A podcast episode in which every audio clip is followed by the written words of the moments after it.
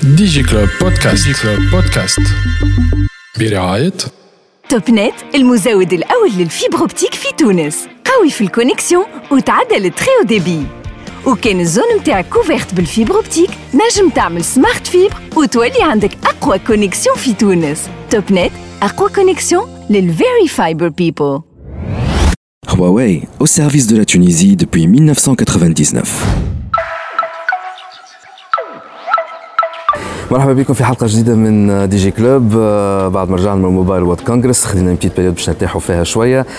ديريكتومون ما رجعناش للاستوديو رجعنا ان فيت ان ايفينمون برا الاستوديو سي ليفينمون تي تي نتورك داي وهيك تسمعوا شوية حتى في الصوت. آه، مازالوا فما شوية صحفيين. ليفينمون هذايا كبير نتاع تونيزي تيليكوم خاطر يا فيها بوكو دانونس ومعنا توا سي لاسعد بن دياب كي لو بي دي جي دو جروب تونيزي تيليكوم. أهلا وسهلا بك سي لاسعد. مرحبا سي وليد. ما جاناش الشرف نقابلوك في الموبايل وورد كونغرس مي جو بونس اللي الفرصه هاي جاتنا توا باش نحكيو اكثر على تي تي على خاطر تي تي آه كان فما ان ايفينمون ولا اون دات انيفرسير نجمو نحكيو عليها اللي هو نو سوم في الموا دو مارس اي نو فيتون لي 25 ans du lancement du GSM en Tunisie Télécom en 98. Tout à fait, tout à fait. هو merci c'est Walid. le numéro 98, c'est un numéro significatif pour, pour tous les Tunisiens. Donc c'est l'année 98 et particulièrement le 20 mars 1998, c'est l'anniversaire du lancement du GSM en Tunisie. Et Tunisie Télécom était l'opérateur qui a lancé ces, ces, nouveaux produits mobiles en Tunisie. Euh, Aujourd'hui, euh, nous avons organisé des TT Network Day. C'est un événement qui met en valeur la connectivité. Et comme le slogan qu'on a affiché, If you can connect the people, you will uh, build the future. not create the future. لازم مش نجم باش تبني المستقبل تو كل شيء يتعدى بالانترنت وبالكونكتيفيتي بالكونكتيفيتي Tunisie Télécom donc euh, depuis euh, plus que 100 ans donc euh, elle a commencé à mettre en place les différentes solutions de connectivité à travers les différentes technologies à l'époque Je, je, je rappelle اللي في لي زاني 150 عام التالي تقريبا بدينا بالتليجرام اللي هي كانت الوسيلة نتاع التواصل في الوقت هكا ثم جاوا لي زوتر سوليسيون لي ديفيرونت سوليسيون افيك لي ايفولوسيون تكنولوجيك كان فما المونوفوا كان فما لي سوليسيون نتاع الريزو. de connectivité par les câbles métalliques, câbles cuivre, câbles persimétriques, câbles coaxial. لين جات الفيبر اوبتيك في لي زاني 80 هي في الحقيقه دخلت لتونس مي عملنا اول ليزون في وسط تونس وقت ليزون اونتر لي دو نو برينسيبو معناها في في تونس مي بدات تاخذ في شكل اكثر لا فيبر اوبتيك في لي زاني 90 ونا كومونسي ا ا ميتر اون بلاس كيلكو ريزو بيلوت وبدات الفيلغاريزاسيون دي برودوي فيبر اوبتيك اون في لي زاني 2000 2000 2006 اليوم عندنا une infrastructure fibre optique qui dépasse les 35 000 km. تبارك الله. C'est une fierté. Avec لكن وقت نقولوا 35 000 كيلومتر مش 35 000 كيلومتر موجودين في النور هكا C'est tous les territoires. Toute la Tunisie. Tous les territoires. Euh, il y a une grande partie qui assure la connectivité des éléments de réseau. entre autres les, les stations radio اللي عطاونا اليوم cette belle, belle performance qui a été témoignée par, par Tunisie Télécom. D'ailleurs, félicitations, Tunisie Télécom vient d'obtenir l'award pour la quatrième année consécutive. Quatrième année consécutive, exactement. Dans le meilleur réseau mobile de, de. Exactement. Et ce n'est pas les hasards, puisque dès le lancement des réseaux mobiles en Tunisie, donc Tunisie Télécom, a la misé sur la connectivité optique et c'est notre point fort, puisque nous disposons d'un réseau filaire qui est étendue sur tous les territoires tunisiens.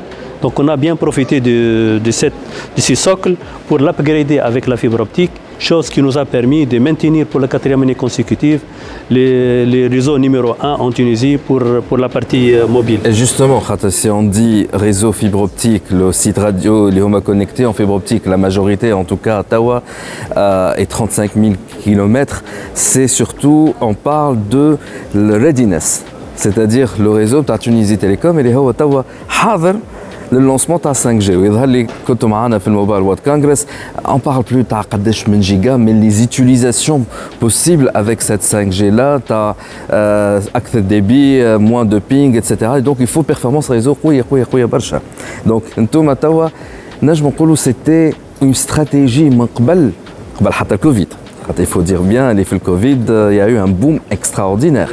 Est-ce que c'était dans la vision de قوي الريزو نتاعي وقوي الفيبر اوبتيك على خاطر فما 5 جي جايه على القريب العاجل هو ان فيت كي نرجعوا لي زيكسبير دون لي تيلكو ils disent le futur de la 5G c'est la fibre optique et Tunisie Telecom était visionnaire par rapport à ça. Donc lorsqu'on a commencé le déploiement de la 3G, on était conscient à cette époque qu'il y aura un boom de la data. Et l'utilisation de l'infrastructure radio il va être orienté vers l'usage de la data. Mhm. Donc pour, pour euh, être en phase de supporter l'explosion du volume du, du, trafic data qui va être supporté par les réseaux radio, donc il faut assurer des, des, une connectivité à travers des autoroutes. On ne peut pas se permettre avec des, Mais... avec des, des, routes classiques. De, donc les autoroutes, c'est la, la, fibre optique. Donc on a bien misé sur ça depuis euh, les années 2010, lorsqu'on a commencé à mettre en place les réseaux 3G. Vous êtes le PDG de Tunisie Télécom, du groupe Tunisie Télécom. Vous avez Tunisie Télécom, déjà le directeur technique, le CTO de Tunisie Télécom. Il n'y a pas uniquement le mobile, il y a aussi le fixe. ونعرف اللي تونيزي تيليكوم زاد elle a continué à investir sur le fixe بالكدا الناس الكل يقول لك اعطيني اكثر ريسورس راديو اعطيني اكثر فريكونس تونيزي تيليكوم تقول لك وي داكور لا فريكونس نخدم عليها لو ريزو نتاعي راديو mais aussi j'ai besoin du fixe et vous avez continué à investir lourdement sur le fixe la stratégie كيفاش ولات تو هو جيست جو في رابيلي انه وقت اللي صارت une ouverture du marché mobile en Tunisie les efforts de tous les acteurs étaient sur le mobile. Et peut-être j'ai une période où Tunisie Télécom a perdu un peu de vue les réseaux fixes. Mais il y a une prise de conscience depuis quelques années maintenant. Il y a un programme qui a été arrêté avec une vision stratégique qui va permettre d'être en mesure d'absorber les volumes de trafic data qui va générer les utilisateurs, soit un, des individus ou des entreprises ou des, des institutions d'une façon générale. Donc euh, il y a un grand programme qui a été initié depuis quelques années qui porte sur la modernisation du réseau fixe. Et la modernisation, elle s'accentue autour du euh, remplacement des armoires de riz classiques. les, les sous-répartiteurs sous qui sont des équipements passifs, voilà. par des équipements actifs qui s'appellent des EPAMSAN, qui vont permettre délivrer au client final un débit qui peut atteindre même 300 mégas. La fibre optique توصل غادي اللي كانت كانت في السنترال. Exactement. Donc on a rapproché l'autoroute du client à travers cette armoire de riz qui est le PM100 aujourd'hui. لكن يقول قائل انتم شبقى quelques mètres على l'abonné وانتم وصلتوها راس النهج. Est-ce que femme a fait stratégie future Tout à fait. Mais je vois les fibres optiques tout seul Tout à fait. Aujourd'hui, nous avons un réseau qui est fibré à 100%, un des réseaux full FO avec une capacité de connectivité 100 000 clients. Mm -hmm. Et nous avons un programme ambitieux 2023-2024 de multiplier par 5 cette capacité. Mm -hmm. Donc nous sommes conscients aujourd'hui que l'usage de la data d'une façon générale, il va encore exploser. On aura besoin d'une fiabilité, de support jusqu'au client final. On a besoin d'une bande passante large et on a besoin des temps de latence et des, des KPI qui répondent aux exigences des, des, applicatifs qui vont être exploités par, par les utilisateurs. هذا في النيفو لوكال مي اون سي تري بيان اللي 95% من الترافيك انترنت في تونس على قد ما نعملوا سيرفر كاشينغ وحليله الاغلبيه هارب برا تونس. Et là, c'est l'autoroute internationale et elle a son importance. Non, fait, les Tunisie Télécom, elle était parmi les premiers, pour ne pas dire la première, à avoir le CMUI 4, le fameux CMUI 4, le câble international ma bin Bazart ou Marseille. لكن ما وقفتوش غاديكا. كيفاش تحكي لنا اكثر على الكونكتيفيتي انترناسيونال؟ هو l'expérience qu'on a vécue au période du Covid, elle a témoigné d'une manière claire la robustesse des orientations et des choix de Tunisie Télécom, soit pour les réseaux filaires, les réseaux fixes, soit pour les réseaux mobiles. Mais vous avez parfaitement raison. Malheureusement, le trafic Internet ou les, data, il y a un grand flux qui est à l'international.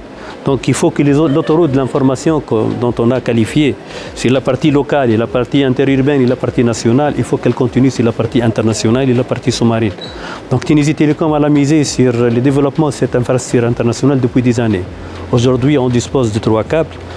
Il y a des câbles qui euh, lie la Tunisie avec l'Europe à travers l'Italie. Il y a un câble qui lie la Tunisie, qui est les Simi-Fort, avec euh, Marseille, qui est l'autoroute du câble sous-marin, on peut les qualifier comme ça.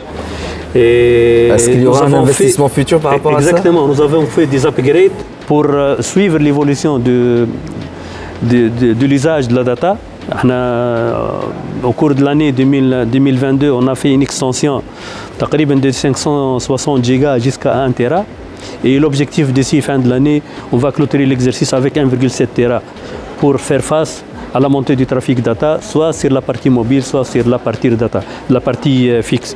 Pareil, donc euh, nous sommes conscients que les câbles sous-marins, ils ont une durée de vie et nous sommes en train de travailler sur de nouveaux investissements pour euh, avoir des câbles de nouvelle génération avec une large bande passante qui va permettre de faire face aux nouveaux usages, soit pour la partie euh, besoin des clients de Tunisie Télécom, soit pour les entreprises, soit pour nos partenaires. Et surtout, lorsqu'on parle des grands projets, des méga programmes euh, engagés par, par, l'État, tels que le programme de l'UDINET, qui va connecter plus que 3000, 3300 établissements relevant du ministère de l'Éducation.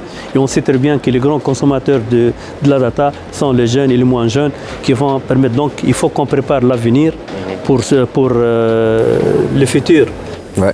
Et surtout qu'il faut dire une chose dans ton prolo Clionet, Clionet Tunisie Télécom, pas le grand public ou les entreprises seulement, mais حتى الوزارات قلت تاع لي زاد حكيت على المدارس وبيان évidemment حتى حتى les autres معناها entreprises de télécom يتعداو par Tunisie Télécom donc c'est la dorsa de l'internet باش نكمل بستاتيستيك اخرانيه قلتها قعدت لي توا في مخي قداش مساهمه اتصالات تونس في البي بي ناسيونال 1,4% على l'année الاخرانيه اللي تعدات دونك 1,4% من البي بي عندك عند تونيزي تيليكوم تونيزي تيليكوم عند لي 6000 امبلويي دي تونيزي تيليكوم كي كونتريبي عند لي جران بروجي كي جير تونيزي تيليكوم عند لا كونيكتيفيتي des établissements relevant de, de, de, de, toutes les institutions nationales, عند les entreprises, عند l'utilisateur euh, individuel. C'est notre devoir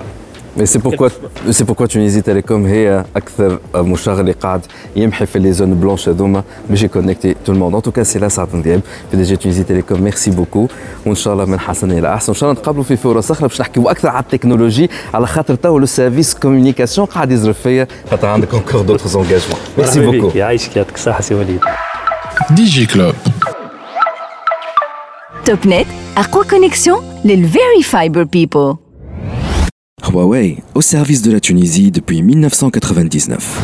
مازلنا نحن في التي تي نتورك داي دي جي كلوب دونك بعيد على الاستوديو خاطر ليفينمون هذا ليفينمون كبير نتاع تونيزي تيليكوم et nous sommes maintenant avec monsieur Renaud Kiradek qui est le CEO de NPERF.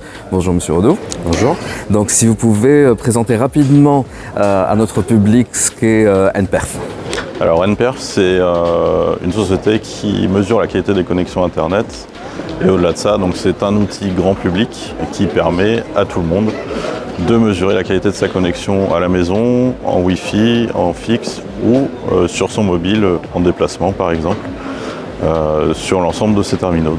Il faut aller sur le site de Anperf, anperf.fr ou .com Alors, vous pouvez aller sur anperf.com pour tester depuis chez vous directement sur un ordinateur par exemple. Et sinon, vous pouvez télécharger l'application Anperf qui est disponible gratuitement sur euh, tous les stores surtout les stores et THD est aussi partenaire à Imperf et donc nous avons un, lecteur customisé à THD avec Imperf. Sinon vous pouvez donc aller sur THD, il y a le testeur de débit et vous allez vous pouvez lancer le débit, vous allez tester donc votre euh, connexion. Et d'ailleurs euh, Imperf a récolté combien de, tests de débit en Tunisie euh, pour l'année 2022 alors sur l'année 2022, on a collecté un peu plus de 70 000 tests, quasiment 80 000. Il faut savoir qu'on applique des filtrages pour que les tests soient représentatifs, donc éviter un usage trop intensif par un utilisateur par exemple, ce qui pourrait créer un biais. Donc une fois les données filtrées, on arrive à peu près à 60 000 tests euh, euh, utilisables pour la publication. Mais c'est uniquement sur le mobile ou, c'est fixe et mobile? Là c'est que pour la partie réseau mobile, donc c'est uniquement les tests qui sont réalisés sur l'application mobile en cellulaire.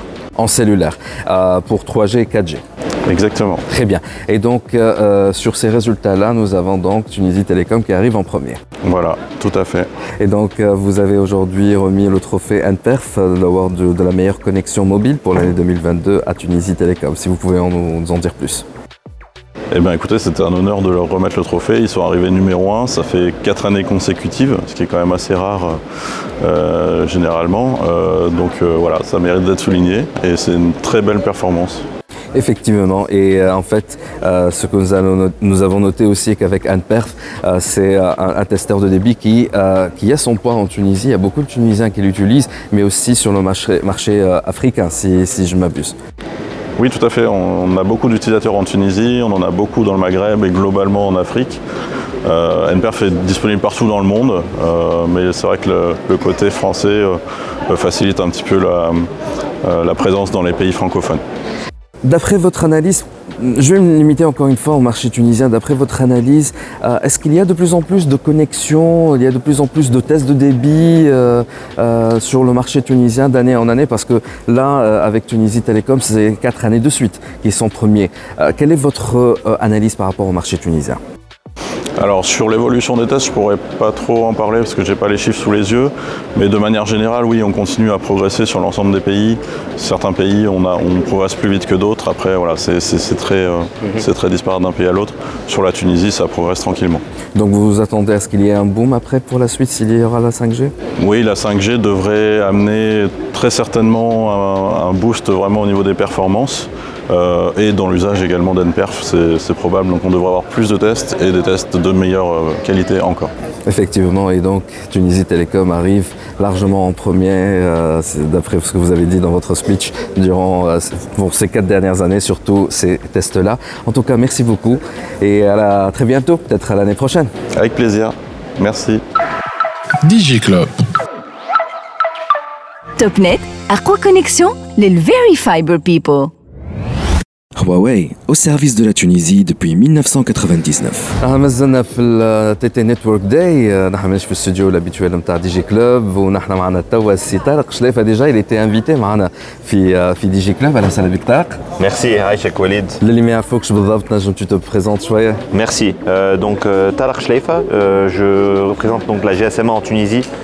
sur un projet euh, que nous travaillons avec le ministère des Technologies, euh, mais aussi avec nos partenaires euh, de la coopération allemande pour euh, accompagner en fait euh, tous nos partenaires et les membres euh, de la GSMA, y compris Tunisie Télécom, donc sur le développement de, de, ces programmes pour l'impact social et pour le bien-être et pour le meilleur de l'industrie des télécommunications. Et surtout, tu avec les startups. Oui. Effectivement. Donc, nous, en fait, nous sommes dans l'événement TT Network Day. À la khater, présent, à la déjà GSMA, bien évidemment, quand tu as un TT, mais surtout pour annoncer une nouveauté par rapport à ATT. Et donc euh, on a la chance de, de, beaucoup collaborer avec Tunisie Télécom et encore une fois c'était très impressionnant tout cet événement, j'espère que vous le verrez. Euh, L'investissement, le, travail de Tunisie Télécom pendant plus de 25 ans, euh, depuis 98. 98, le lancement de GSMA. Ouais. GSM plutôt, pas GSM. la GSMA. GSM. Voilà. Et, et, et donc tout ce, cet effort consenti pour vraiment, et on réalise à quel point les télécommunications sont importantes dans tous les, les, les aspects de, de, la vie de l'être humain. Et donc naturellement avec la GSMA et Tunisie Télécom, nous accompagnons sur plusieurs volets. Le premier, euh, c'est le projet Eshmin Lifar, qui est un projet l'inclusion numérique. Déjà, et, et, qui est un projet très important pour la GSMA, pour l'industrie, mais aussi pour Tunisie Télécom ou le Mouat Ntounsi. Euh, le deuxième euh, annonce qui est, qui est réconfortante aussi, c'est la collaboration euh, TT euh, avec le The Dot, qui est un espace euh, d'entrepreneuriat et qui va offrir euh, à toute cette, cette start-up, ces, compagnies technologiques, la technologie. donc de tester le réseau 5G, tester les dernières technologies immersives, le réseau, et pour créer des opportunités identifier des, peut-être des potentiels cas d'usage commerciaux et de, de créer de l'innovation au sein même de TT et de ses offres. Donc en fait, Tawa, euh, grâce à l'effort GSMA et d'autres partenaires aussi. Donc Tunisie Télécom va installer une antenne 5G Four de Dot ou de Dot. The Dot, donc c'est un, hub les startups tout le monde peut y accéder et donc les startups peuvent tester leurs produits sur cette 5G là. Donc je suppose qu'il y aura beaucoup de, de, de, de devices. déjà fait une carte SIM 5G c'est ça Alors, euh, à, discuter avec les équipes, mais ce que j'aimerais juste euh, rajouter sur ce point-là qui est très important, c'est que la 5G, vraiment, on est au début en Tunisie de la 5G, et donc ces cas d'usage, aussi cette antenne peut être déplacée dans d'autres endroits. Donc il y a déjà des idées, des conversations dans d'autres endroits, dans d'autres villes, dans d'autres contextes, pour vraiment tester l'ensemble des cas d'usage disponibles et euh, potentiels de la 5G, et trouver des cas d'usage intéressants dans le cadre de cette conversation et de cette planification de cette nouvelle technologie en Tunisie. Très bien. Euh, rapidement, quel y a le programme les fait pour les startups? Absolument. Si on peut le rappeler, mais on fait un rappel. GSMA, donc l'équipe avec laquelle je travaille, donc GSMA, accompagne les startups à identifier des cas d'usage et des opportunités de collaboration avec les opérateurs télécoms. On pense collaboration commerciale, des partenariats de distribution, mais aussi technologiques. En même temps, nous aidons et nous soutenons les opérateurs télécoms qui sont nos membres et nos partenaires à développer des programmes d'innovation et comprendre comment travailler avec cette nouvelle innovation pour créer des partenariats win-win. D'accord. Donc, si vous voulez avoir plus d'informations, bien évidemment, on est chez Ulwin. Donc, GSMA, euh, Mobile for Development. Je pense qu'il y aura un lien peut-être qui va s'annoncer. Euh, on va essayer de le faire, ça dépendra le post-production. Voilà. Mais sinon, tapez sur Google, vous allez trouver ça. Sinon, allez sur euh, tous les autres épisodes de DigiClub, et vous allez trouver l'article où on parle longuement de ce programme-là. Merci beaucoup. Merci beaucoup, Elie. DigiClub. TopNet quoi connexion les Very Fiber People. Huawei, au service de la Tunisie depuis 1999. مازلنا نحن في دي جي كلوب سبيسيال تي تي نتورك داي دونك ماناش في الاستوديو سي لو بروميير رونديفو بعد موبايل وورد كونغرس و اون ا بارلي دو تكنولوجي دو 5 جي اي جوستومون على التكنولوجي على لي ريزو على 5 جي il y a euh, un speech qui nous a, euh, un keynote plutôt, qui nous a intéressé. C'est celui de si euh, Oussama Samad, qui est le directeur exécutif de, du développement des réseaux chez Tunisie Télécom. À la Salabik. Euh, rapidement, si on va récapituler les, les grandes lignes de keynote de l'événement nous avons essayé juste de parler de trois points majeurs le grand public. La partie là, c'est le mobile broadband. Donc c'est tout ce qui est destiné sur le réseau mobile. Les, axes de développement c'est la connectivité euh, partout pour la population tunisienne. Notre objectif c'est à 90% de la population d'ici 2023. Euh, le réseau interne il est euh, compatible, il est évolutif vers la 5G.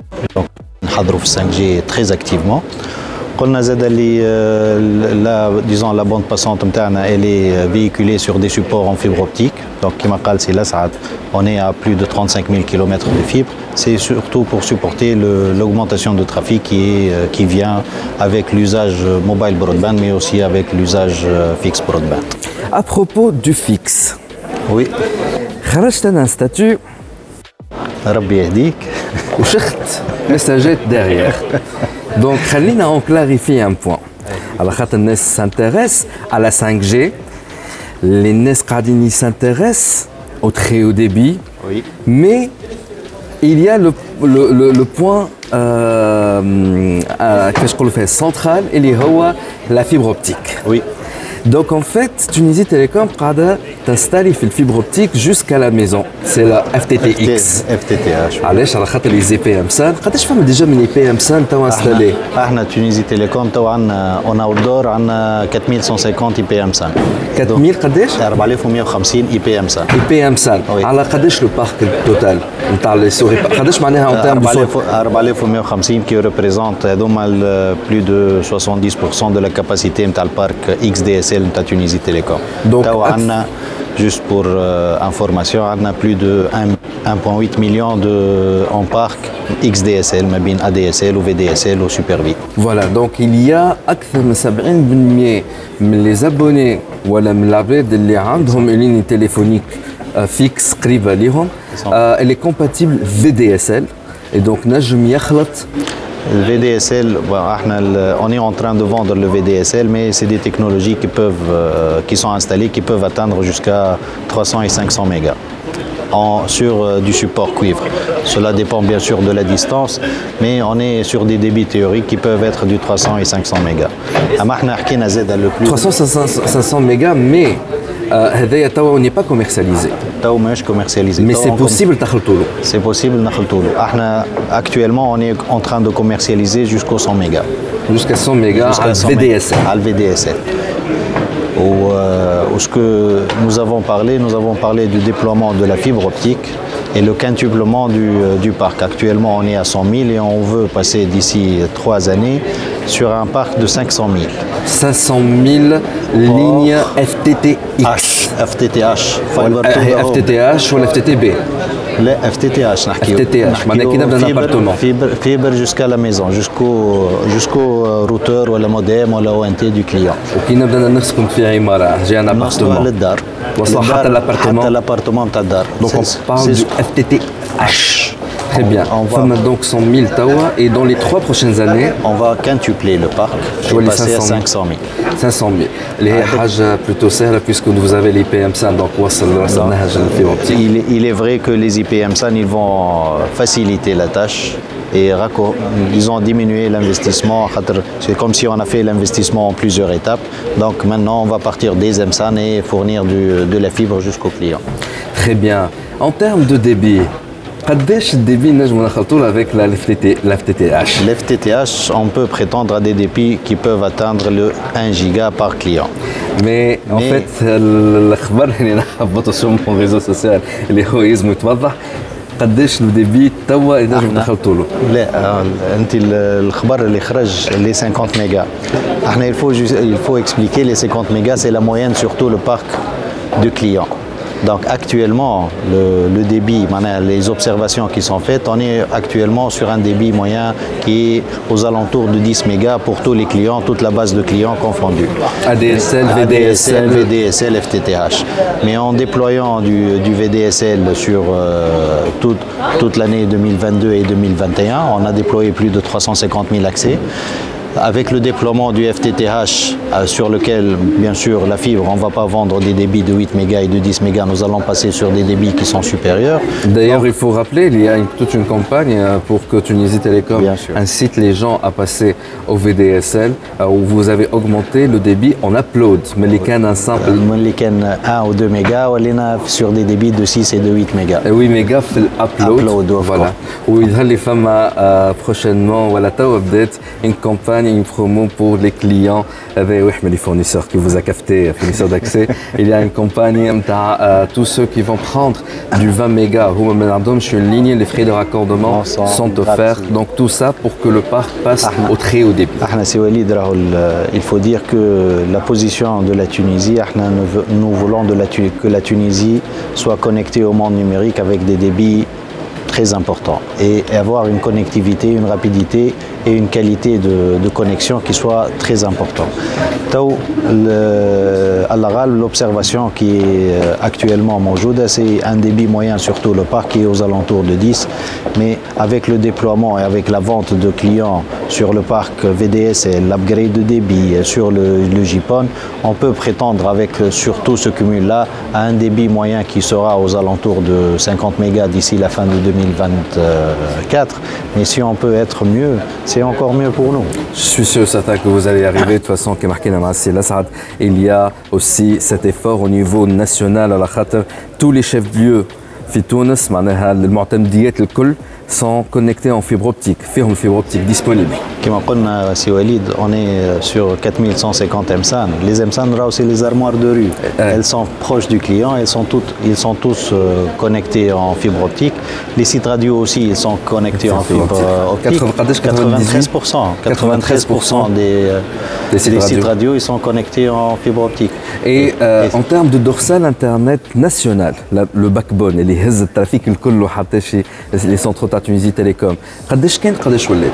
Actuellement, on est sur euh, du 2.5 Tera. On, était sur, euh, aux alentours de 1.1 1.2 Tera. Actuellement, on est à 2.5, donc on transporte un trafic qui est aux alentours de 2.5 On est euh, sur une capacité de 2.5, mais on est en train de transporter sur les peak time aux alentours de 1.4, 1.5 Tera de trafic. Donc toujours de la capacité au cas où il y aura un pic exceptionnel. C'est notre rôle de planification, donc on, est, on essaie d'anticiper donc, euh, heureusement, hein, maintenant, si on fait juste un petit retour, durant le Covid, ça a été, ça s'est bien fait, ça s'est bien passé. Durant la Coupe du Monde, c'est aussi euh, un événement qui était important et heureusement, ça s'est très bien passé. Le réseau, il a supporté, que ce soit national et international. Et on est prêt pour toutes les échéances qui vont venir. Hein. Très bien. En tout cas, l'échéance G 5G. Et donc, le réseau est le 5G ou le boom, le في الترافيك داتا سي اسامه ميرسي بوكو عايشك سي وان شاء الله من حسن الى احسن وان شاء الله نتقابلوا très bientôt juste un petit mot على 5G اعطيني 5G 5G juste euh, pour dire que euh, nous avons fait les tests sur un réseau réel live actuellement on est, on est dans la capacité de partager euh, ce que nous avons sur le réseau avec les partenaires avec euh, des startups. Kim Mbikri, si Weli l'a dit, on a avec The Dot un partenariat et euh, nous travaillons sur des use cases sur euh, The Dot, sur sur beaucoup d'endroits et nous sommes prêts pour créer, disons, les use cases et créer l'environnement qui fera du 5G un succès pour la Tunisie. Inch'Allah, Inch'Allah, Inch'Allah. Surtout les Tunisie Télécom, c'est l'opérateur historique, il est Et il faut le dire, les autres opérateurs, Zadaqadib, Nistar, nous fait le réseau de la Tunisie Télécom, c'est pas uniquement les clients B2B ou le B2C. Inch'Allah, en tout cas, je suis invité à Anafi DG Club pour parler de détails techniques. Euh, malheureusement, euh, la Tunisie Télécom, n'a pas le hadith. Mais Merci beaucoup. Merci beaucoup, Aïchek. Merci beaucoup, Walid. Merci à tout le monde.